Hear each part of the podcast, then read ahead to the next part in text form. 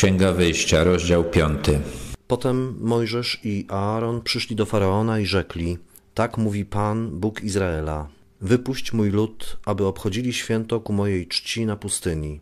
A faraon rzekł: Któż to jest Pan, bym miał słuchać głosu jego i wypuścić Izraela? Pana nie znam, a Izraela nie wypuszczę. W Egipcie faraon był uważany za Boga. Ten faraon, który przyjął Józefa, być może panował jeszcze w czasach, kiedy ten obyczaj się nie ustalił albo miał więcej dystansu do samego siebie. Ale faraon, z którym rozmawiali Mojżesz i Aaron, nie zamierzał uznawać Boga Izraela. Odpowiedzieli: Bóg Hebrajczyków objawił się nam.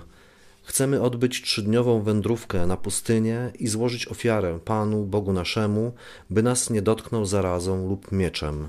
Mojżesz i Aaron próbowali jeszcze brać faraona na litość. Powiedzieli mu, że jeżeli nie zgodzi się na złożenie tej ofiary, to Bóg Chyków będzie się na nich gniewał. A król egipski rzekł do nich: Dlaczego to, Mojżeszu i Aaronie, chcecie oderwać lud od jego pracy? Idźcie do waszych robót pańszczyźnianych.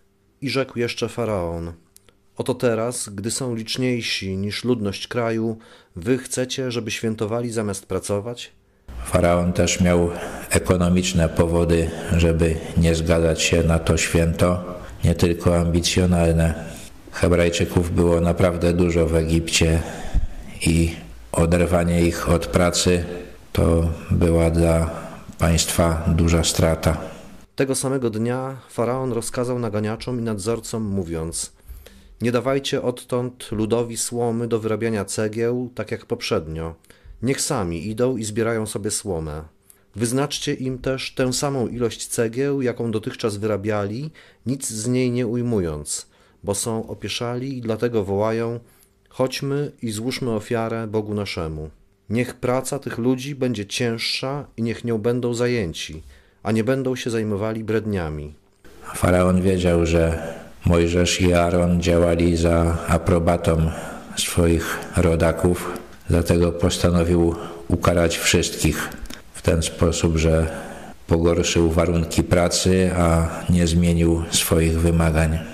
Naganiacze ludu i jego nadzorcy wyszli więc i rzekli do ludu, mówiąc: Tak mówi faraon: Nie dam wam słomy Sami idźcie, zbierajcie sobie słomę, gdzie znajdziecie, bo z pracy waszej niczego się nie ujmie.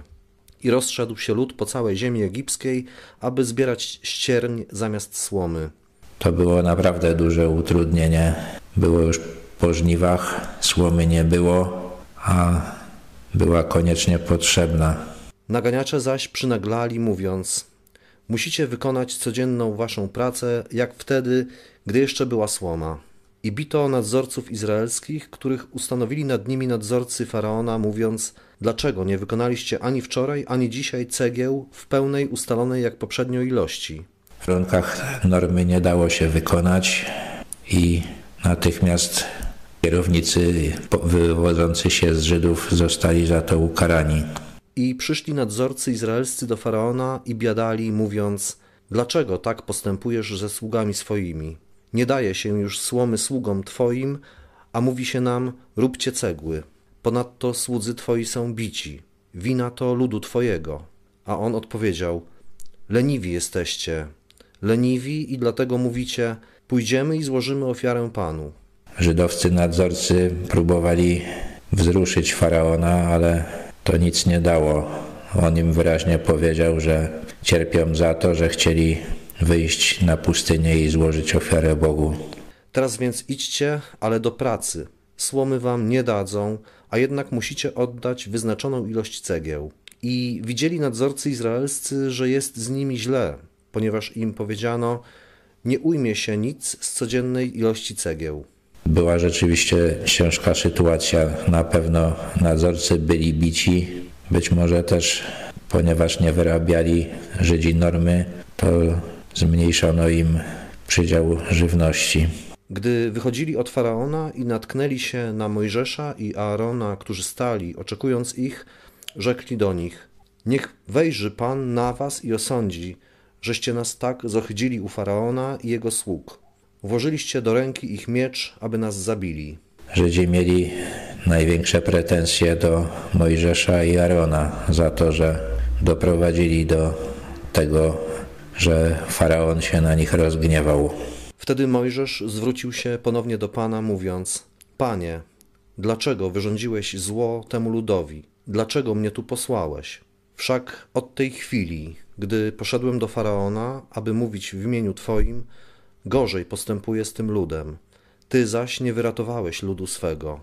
Mojżeszowi nie trzeba było mówić, że powodował kłopoty swoich rodaków, sam doskonale to rozumiał i czuł się z tym bardzo źle i mówił o tym Bogu w modlitwach. Pewnie wymawiając się od tego zadania, spodziewał się, że będzie mu ciężko i rzeczywiście ta świadomość, że doprowadził do pogorszenia sytuacji swoich rodaków, była dla niego na pewno bardzo ciężka.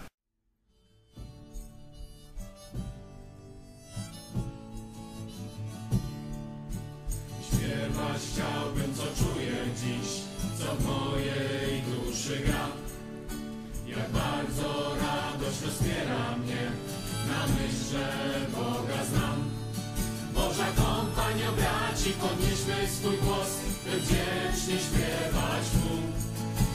O dzięki Panie za łaskę Twą, że mieszka w nas Twój duch. Boża kompanio braci, podnieśmy swój głos, wdzięcznie śpiewać